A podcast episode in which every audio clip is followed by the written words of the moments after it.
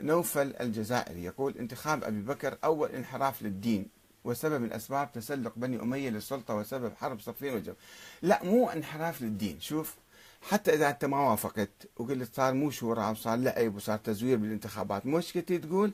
بس هذا ما له علاقة بالدين. الدين الإسلامي محفوظ. الدين فهذا خارج الدين كان. العملية السياسية كلها وانتخاب الحاكم هذا مو مس... هاي ما له علاقة بالدين.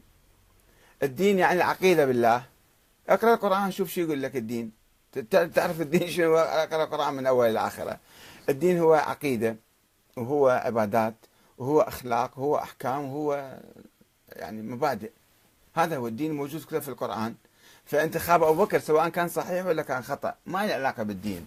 مثل الآن انتخابات تجري يمكن انتخابات تجري بصورة سليمة أو بصورة مو سليمة بس المبدأ أنه الشعب هو مثلا آه، هو لازم يقرر الحاكم من هو وبايع طواعية.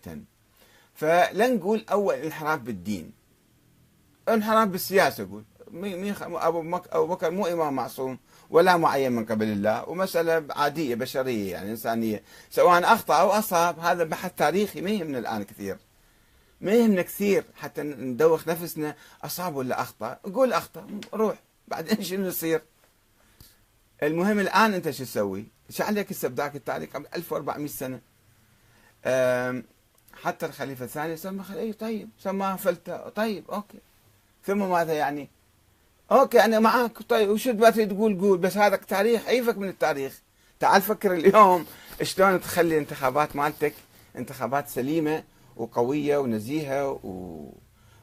ومفيدة ومعبر عن رأي الشعب. خلي نفكر شلون نقوي انتخاباتنا اليوم نظامنا الديمقراطي شلون نقويه. لا تروح واي بالتاريخ.